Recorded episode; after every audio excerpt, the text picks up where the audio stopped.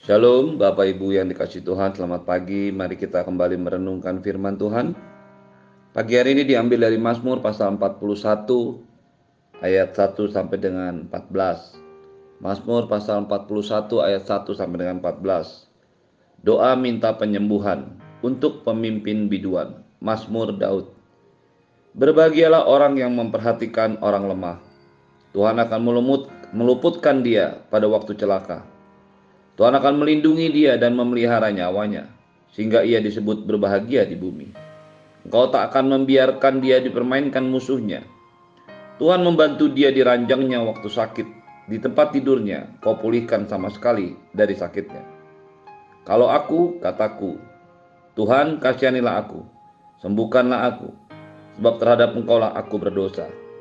Musuhku mengatakan yang jahat tentang aku. Bilakah ia mati dan namanya hilang lenyap?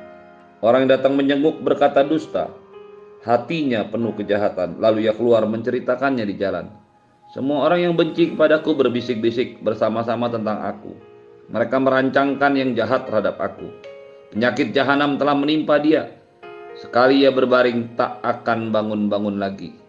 Bahkan sahabat karibku yang kupercayai, yang makan rotiku, telah mengangkat tumitnya terhadap aku. Tetapi engkau ya Tuhan, Kasihanilah aku dan tegakkanlah aku.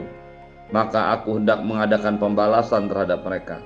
Dengan demikian aku tahu bahwa engkau berkenan kepadaku apabila musuhku tidak bersorak-sorai karena aku. Tetapi aku, engkau menopang aku karena ketulusanku. Engkau membuat aku tegak di hadapanmu untuk selama-lamanya. Terpujilah Tuhan Allah Israel dari selama-lamanya sampai selama-lamanya. Amin. Ya, amin. Bapak Ibu yang dikasih Tuhan, Mazmur 41 adalah Mazmur yang dikarang oleh Daud yang isi syairnya berisi sebuah pengalaman hidup yang dialami oleh Daud baik ketika dia menolong orang lain maupun ketika ia ada dalam kondisi yang lemah dan ditolong oleh orang lain. Alkitab selalu mengajarkan kepada kita bagian mana yang harus kita lakukan dalam hidup ini ada bagian-bagian, ada hal-hal, ada titik-titik tertentu di mana Anda dan saya berada dalam kondisi yang seperti dituliskan, lalu Alkitab mengajarkan kepada kita bagaimana meresponinya dengan benar. Perhatikanlah apa yang dituliskan oleh Daud melalui firman Tuhan dalam Mazmur pasal 41 ini. Yang pertama, kita melihat bagaimana pengertian tentang menolong orang lain. Dalam hal ini dikatakan orang yang lemah. Kita tidak tahu bagaimana posisi atau keadaan Daud pada waktu itu. Apakah dia sedang terbaring, apakah dia sedang terpukul atau lemah, lalu kemudian dia mengingat orang-orang yang menolongnya, mengingat apa yang dilakukannya saat dia kuat. Tetapi baik dalam posisi dia lemah maupun dalam posisi dia kuat. Dia mengajarkan kepada kita bagaimana meresponi semuanya dengan sikap hidup, dengan sikap hati dan tindakan yang benar. Penting untuk setiap kita menyadari, mengetahui pada kondisi tertentu dalam hidup kita, respon apakah yang harus keluar. Baik pada saat kita kuat, baik pada saat Tuhan izinkan kita mengalami masa-masa yang sulit, tekanan, bahkan juga kelemahan atau kesakitan yang diizinkan Tuhan terjadi dalam hidup kita. Respon kita akan menentukan nilai rohani dan nilai ilahi hidup kita. Perhatikan apa yang ditulis dalam ayat yang kedua sampai keempat. Berbahagialah orang yang memperhatikan orang lemah. Tuhan akan meluputkan dia pada waktu celaka. Tuhan akan melindungi dia dan memelihara nyawanya sehingga ia disebut berbahagia di bumi. Engkau tak akan membiarkan dia dipermainkan musuhnya Tuhan membantu dia di ranjangnya waktu sakit di tempat tidurnya. Kau pulihkan sama sekali dia dari sakitnya. Ini adalah sikap hati Daud ketika ia ada dalam posisi yang kuat, ketika ia ada dalam posisi yang aman, ketika ia ada dalam posisi yang menyenangkan, ketika ia ada dalam posisi yang membahagiakan atau seolah-olah mengalami berkat Tuhan. Dia tetap mengajarkan kepada kita untuk memperhatikan orang lemah.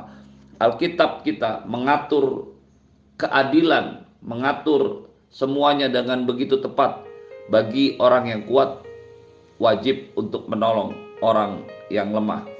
Seorang janda atau anak yatim janganlah engkau tindas dalam Keluaran 22 ayat 22. Kelihatan sekali bahwa Tuhan ingin Anda dan saya memperhatikan orang yang lemah. Keluaran pasal 23 ayat 5 mengatakan, Apabila engkau melihat kerebah keledai musuhmu karena berat bebannya, maka janganlah engkau enggan menolongnya. Haruslah engkau rela menolong dia dengan membongkar muatan keledainya. Ini adalah sebuah ayat-ayat yang disampaikan oleh Tuhan melalui Musa dalam Taurat kepada bangsa Israel. Imamat pasal 14 ayat 21. Tetapi kalau orang itu miskin dan tidak mampu, ia harus mengambil domba jantan seekor saja sebagai tebusan salah untuk persembahan unjukan supaya diadakan pendamaian bagi orang itu juga sepersepuluh eva tepung yang terbaik diolah dengan minyak untuk korban sajian dan satu log minyak ini menunjukkan jelas sekali bahwa Tuhan mau setiap Anda dan saya yang dalam posisi mampu, kuat, berkecukupan menolong orang yang lemah. Amsal 19 ayat 17 mengatakan, Siapa menaruh belas kasihan kepada orang yang lemah, memiutangi Tuhan yang akan membalas perbuatan. Siapa menutup telinganya bagi jeritan orang lemah tidak akan menerima jawaban kalau ia sendiri berseru-seru. Amsal 21 ayat 13. Orang miskin yang menindas orang-orang lemah adalah hujan deras tetapi tidak memberi makanan. Amsal 28 ayat 3. Orang yang memperbanyak hartanya dengan riba dan bunga uang mengumpulkan itu untuk orang yang mempunyai belas kasihan kepada orang-orang yang lemah. Orang benar mengetahui hak orang lemah, tapi orang fasik tidak mengertinya. Raja menghakimi orang lemah dengan adil, tahtanya tetap kokoh untuk selama-lamanya. Tulisan-tulisan yang dituliskan dalam Amsal-Amsal, kata-kata bijak oleh Salomo yang adalah anak Daud, menggambarkan atau menguatkan semua yang dituliskan oleh Daud dalam syairnya. Bisa jadi Salomo terinspirasi dengan apa yang dituliskan oleh Daud. Satu prinsip yang utama bahwa setiap kita harus memperhatikan orang yang lemah. Mungkin kita belum bisa menolong, tapi minimal kita sudah memperhatikan. Tetapi kalau kita sudah mampu untuk menolong, baik lemah secara ekonomi, baik lemah secara hati dan iman, baik lemah secara fisik, baik lemah secara pengharapan, baik lemah secara masa depan, setiap Anda dan saya haruslah memperhatikan orang-orang yang lemah ini, karena pada waktu kita melakukan itu, Tuhan yang akan meluputkan orang tersebut pada waktu celaka. Tuhan akan melindungi dan memelihara nyawanya, sehingga ia disebut berbahagia, sehingga ia disebut diberkati. Jadi, bukan menunggu diberkati untuk menolong orang yang lemah, tetapi ketika kita menolong orang yang lemah, maka kita menjadi orang-orang yang diberkati di dunia ini. Engkau tidak akan membiarkan dia dipermainkan musuhnya. Ketika kita menolong orang yang lemah, maka musuh tidak akan pernah mempermainkan kita pada waktu kelemahan kita. Tuhan membantu dia di ranjangnya pada waktu sakit. Ketika kita menolong, menjenguk, mendoakan orang-orang yang sakit dan lemah, maka Tuhan akan membantu dia di ranjangnya pada waktu sakit di tempat tidurnya Terjemahan asli daripada membantu dia diranjang sebenarnya menunjukkan kepada satu kebenaran yang sangat luar biasa. Kata membantu dia diranjangnya sebenarnya dapat diterjemahkan bahwa Tuhan membalikkan kasurnya. Ini menunjukkan pemulihan mujizat yang luar biasa yang terjadi ketika orang sakit. Karena ketika ranjang dibalikan, orang tersebut sudah tidak ada lagi di atas ranjang alias sudah disembuhkan. Semua ini terjadi pada orang-orang yang memperhatikan orang yang lemah, yang melindungi, yang menolong, yang membantu. Ini adalah prinsip umum yang dilakukan oleh Daud ketika dia menjadi kuat. Ingatlah apa yang dilakukannya terhadap Mephiboset, anak Raja Saul, keturunan Raja Saul yang merupakan anak Jonathan yang cacat kakinya karena seorang inang pengasuh yang melarikan diri ketika musuh menyerang. Daud tidak pernah membenci keturunan Saul. Daud tidak pernah membenci keturunan Daud. Walaupun Saul berulang kali mencoba membunuhnya, Daud tetap menghargainya. Daud tetap mengikat perjanjiannya dengan Jonathan. Dan ketika dia sudah menjadi raja, maka dia juga mengingat, dia mencari dengan sengaja, dia menyuruh orang-orangnya untuk mencari keturunan Saul, keturunan Jonathan yang akan diangkatnya. Dan ketika mereka membawa Mephiboset, seorang yang timpang kakinya, maka Daud menetapkan satu keputusan buat Mephiboset untuk selalu duduk semeja dengannya, untuk mem memberikan perintah kepada hamba-hamba Mephiboset untuk terus menjagai tuannya. Ini adalah sebuah keadaan yang nyata dalam hidup Daud, sebuah teladan, sebuah tindakan yang bukan hanya teoritis, yang dilandasi dengan ketulusan hati karena dia tahu dia harus belajar memperhatikan dan menolong orang yang lemah. Lalu bagaimana sikapnya ketika ia ada dalam posisi yang lemah? Perhatikan dalam ayat-ayat 5. Kalau aku, kataku Tuhan, kasihanilah aku, sembuhkanlah aku, sebab terhadap engkau lah aku berdosa. Ketika Daud mengalami sakit penyakit, ketika dia lemah, yang pertama dia lakukan adalah dia datang kepada Tuhan. Dia mengakui kesalahannya kalau ada kesalahan, ada pelanggaran, ada ketidaktaatan yang dikerjakannya, maka dia datang kepada Tuhan. Dan ketika dia datang kepada Tuhan, dia datang dengan sikap hati memohon belas kasihan kepada Tuhan. Ini adalah sebuah hal yang sangat luar biasa. Daud tidak hanya memposisikan dirinya sebagai orang yang kuat di dalam Tuhan, orang yang diangkat menjadi raja, pahlawan yang gagah perkasa, tapi dia juga memberikan dirinya untuk meresponi ketika dia mengalami masa-masa yang lemah, masa-masa yang tidak menyenangkan, masa-masa kesakitan yang dia alami. Ketika ada banyak orang datang kepadanya, musuhku mengatakan yang jahat tentang aku. Bilakah ia mati dan namanya hilang lenyap? Orang datang menjenguk berkata dusta, hatinya penuh kejahatan, lalu ia keluar menceritakan di jalan. Semua orang yang benci kepadaku berbisik-bisik bersama-sama dengan aku. Mereka merancang, merancangkan yang jahat terhadap aku. Penyakit-penyakit jahanam telah menimpa dia. Sekali ia berbaring, tak akan bangun-bangun lagi. Bahkan sahabatku, kabat karib yang kupercayai, yang makan rotiku, telah mengangkat tumitnya terhadap aku. Ketika Daud mengalami sakit penyakit, dia datang kepada Tuhan.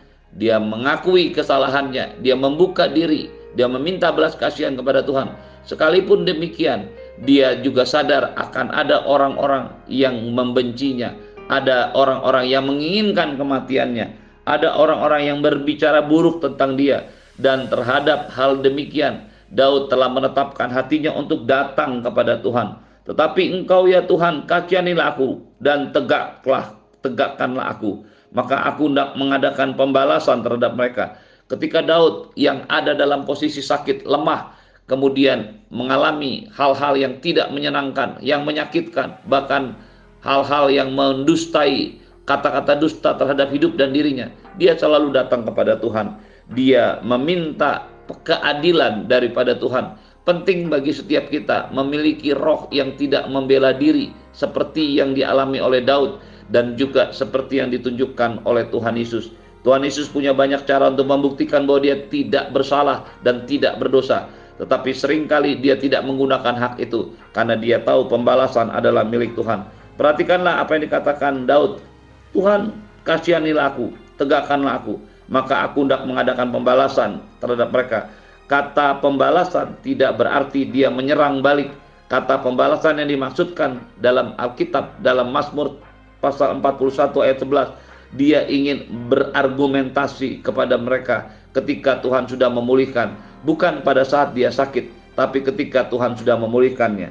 Dia menerima keadaannya, yang sakit dan lemah dan dia datang kepada Tuhan untuk meminta belas kasihan dan dia tidak mendengarkan kata-kata yang ditujukan kepadanya yang menyakitkan, yang melemahkan dan bahkan membuat dia tertuduh. Dengan demikian aku tahu bahwa apabila engkau berkenan kepadaku, yaitu musuhku tidak bersorak-sorai ke karena aku.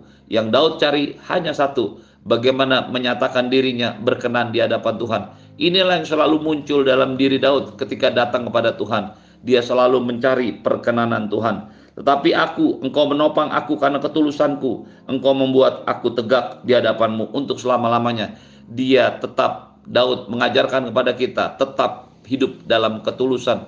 Hari-hari ini sulit sekali untuk hidup dengan ketulusan. Karena sering kali kata-kata yang keluar, sikap yang nyata, tindakan yang kita lakukan tidak sesuai dengan apa yang menjadi kata hati kita. Kita terlalu banyak dipermainkan dengan hal-hal yang tidak tulus dalam hidup ini. Tetapi Daud mengajarkan kepada kita untuk hidup dengan tulus hati. Itulah sebabnya mengapa Rasul Paulus menuliskan dalam kisah Rasul 24 ayat 16, tapi aku hidup, tapi aku berusaha untuk hidup senantiasa dengan hati nurani yang murni di hadapan Tuhan dan manusia. Inilah sebuah ketulusan. Setiap Anda dan saya yang mengasihi Tuhan harus memelihara ketulusan hati kita. Baik ketika kita mengalami masa-masa yang kuat, menyenangkan, diberkati, dan semua harapan dan doa terkabul. Maupun ketika Anda dan saya sedang ada dalam posisi yang diizinkan Tuhan, mengalami kelemahan, mengalami kesakitan bahkan, mengalami saat-saat yang tidak menyenangkan dalam hidup kita. Hidup dalam ketulusan adalah sebuah respon hati yang benar yang selalu muncul di hadapan kita yang ditunjukkan dengan jelas di hadapan Tuhan. Karena itu firman Tuhan mengajar kepada kita, tetapi aku engkau menopang aku karena ketulusanku, engkau membuat aku tegak di hadapanmu untuk selama-lamanya. Pada akhirnya Tuhanlah yang akan mengembalikan hidup kita. Dia akan membawa hidup kita tegak di hadapannya selama-lamanya. Terimalah berkat yang berlimpah dari Bapa di surga, cinta kasih dari Tuhan Yesus, penyertaan yang sempurna dari Roh Kudus, menyertai hidupmu hari ini dan sampai selama-lamanya. Di dalam nama Yesus, semua yang percaya katakan, amin. Shalom.